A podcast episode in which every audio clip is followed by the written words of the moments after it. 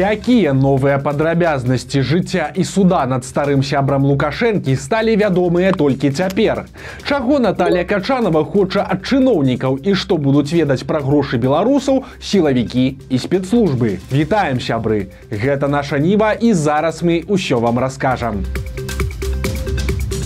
Падобна, што беларускае міністэрства абароны рыхтуецца да чагосьці кепскага. У пачатку 23 -го года беларускія сМ заўважылі, што за сродкі дзяржаўнай інвестыцыйнай праграмы плануецца пабудаваць новы вайсковы гарадок і палігон у гомельскай вобласці, недалёка ад мяжы з Украінай. Цяпер жа радыё свабода атрымала фотапашпарта аб'екта, а таксама здымак з месца будаўніцтва. Працы ідуць на тэрыторыі былога піянерскага лагера чайка ў гомельскім раёне. Гэта прыблізна пасярэ пасярэдзіне паміж гомелем і рэчыцай. Да мяжы з украінай адтуль вядзе асфальтаваная дарога.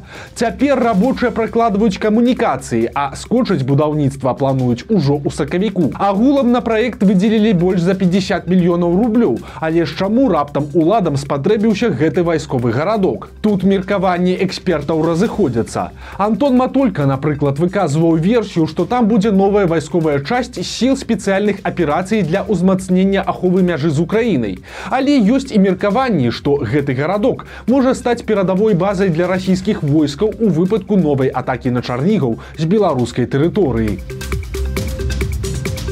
Як Лукашенко спачатку судзіў, а пасля выбачыў свайго сябра. Падрабязнасці паказальнай гісторыі распавялі былыя сілавікі з белпол. Тут трэба разумець, пра каго ідзе гаворка. Звычайны шклоўскі участковы міліцыянт Владзімир Канаплёў быў сябрам маладосці Лукашэнкі яшчэ ў бытнасць таго кіраўніком Саўгаса. Калі Лукашенко пайшоў ва ўладу, то не забыўся і пра свайго сябра.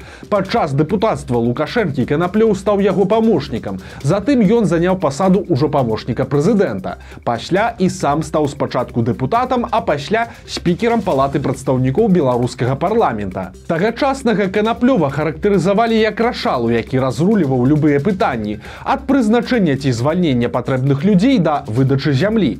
Прычым рабіў ён гэта імем прэзідэнта. Ніхто не ведаў, што ў рэальнасці яму казаў Лукашенко, але ўсе ведалі, што канаплёў з лукашэнкам гаворыць на ты.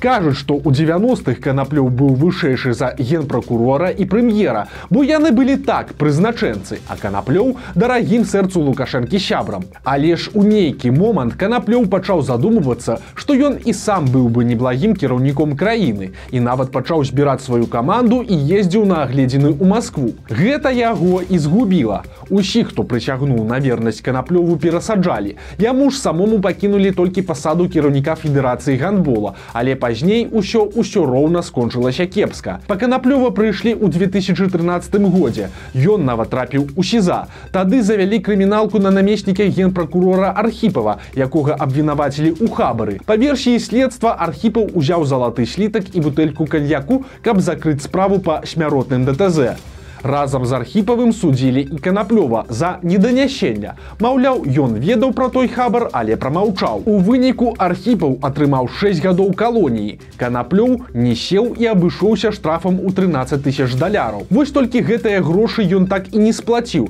таму што трапіў под амністыю якую прынялі у сувязі 70годдзям вызвалення беларусі ад нямецка-фашысцкіх захопнікаў. Прычым закон аб амністай быў прыняты роўненька ў дзень суда над канаплёвым. Вось так такое прыгожае супадзенне. Пасля канаплёў доўгія гады правёў у апале, але апошнім часам Лукашенко вярнуў свайго сябра бліжэй да цела. Вядома, што ў іх ужо было некалькі нефармальных сустрэч. Ну і напрыканцы яшчэ адзін паказальны штрых. Лукашенко прабачыў не толькі канаплёва. Той асуджаны на 6 гадоў намеснік генпракурора архіпаў у выніку увесь тэрмін так і не адсядзеў.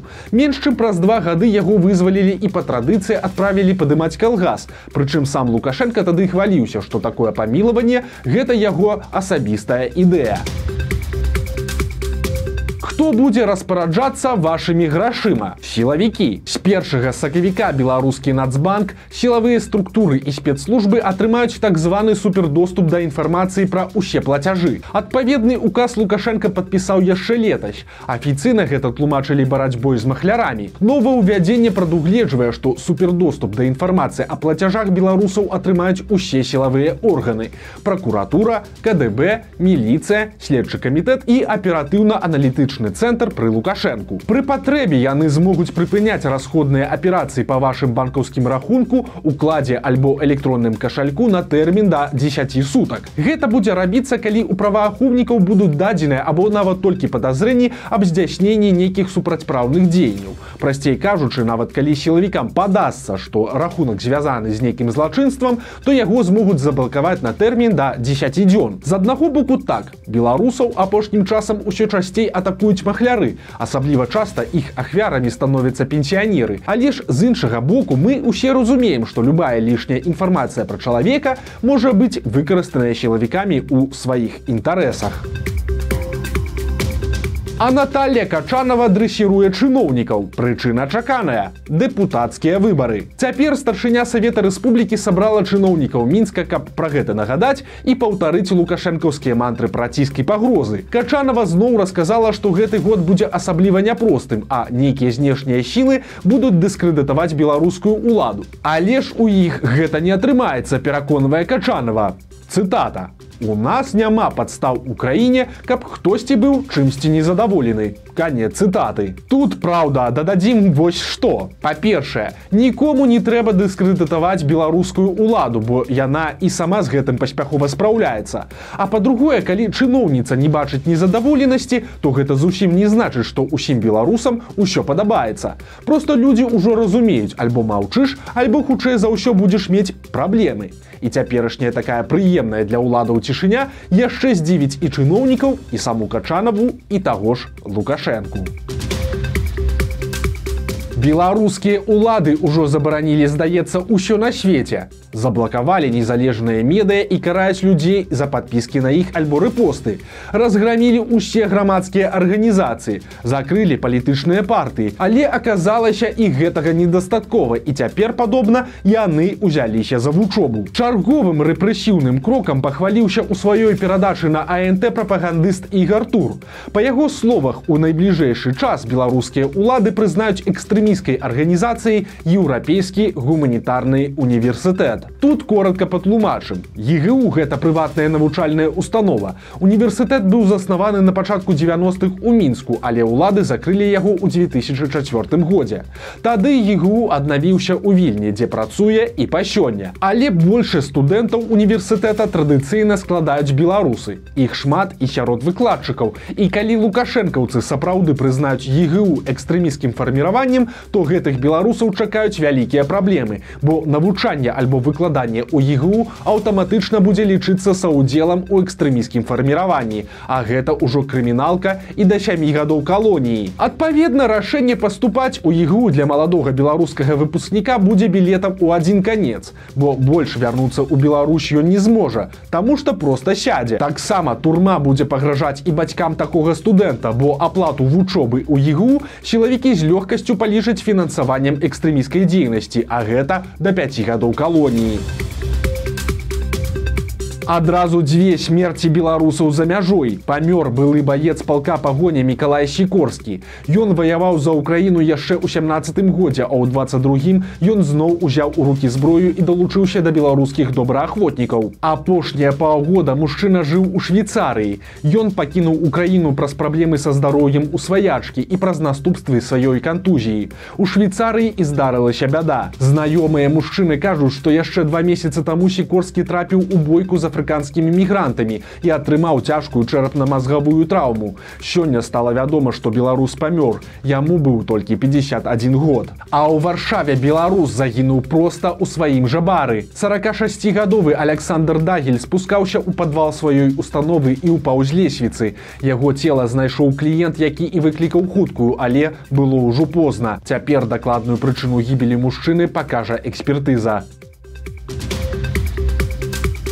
У Маскве пачалі судзіць двух беларусаў, якіх вінавацяць у дыверсіі на чыгунцы. Хлопцам 19 і 20 гадоў. Па версіі расійскіх следчых у снежні 22 года яны па заданні СБУ падпалілі кабіну электравоза ў падмаскові. За гэта нібыта атрымалі 720 даляраў, праўда, хутка іх затрымалі. Прычым выпадкова. Беларусы падобна вырашылі працягваць дыверсіі, бо набылі дзве каністры з бензінам і схавалі іх проста ў хостэле, дзе звычайна начавалі. Але кані каністры знайшла прыбіральшыца, якая паведаміла пра знаходку гаспадарам установы, а тыя сілавікам. Цяпер беларусам пагражае да 20 гадоў калоніі.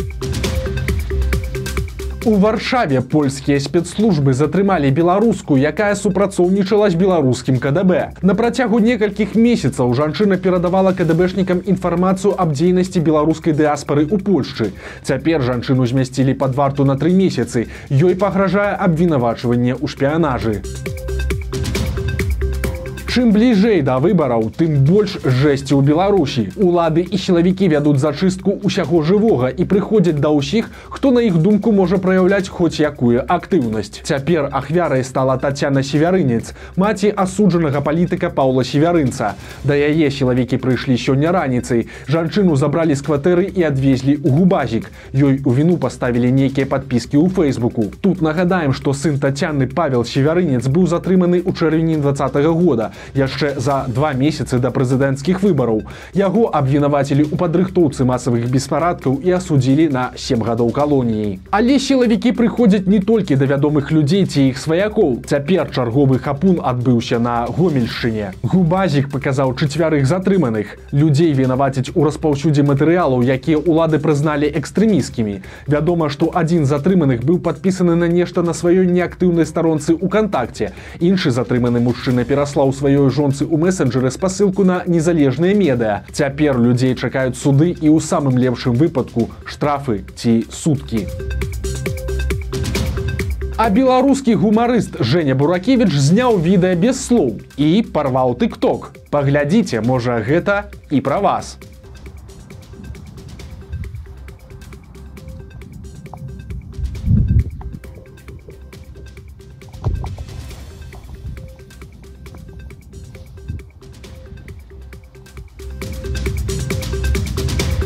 Вось такія навіны аўторка. Подписывайтеся на канал, ставце лайки альбо дызлайки і выказвайце за ўвагі ў каментарах. І канешне, чытайце нашу нібу, глядзіце нашу нібу і любіце Беларусь. Да сустрэчы заўтра.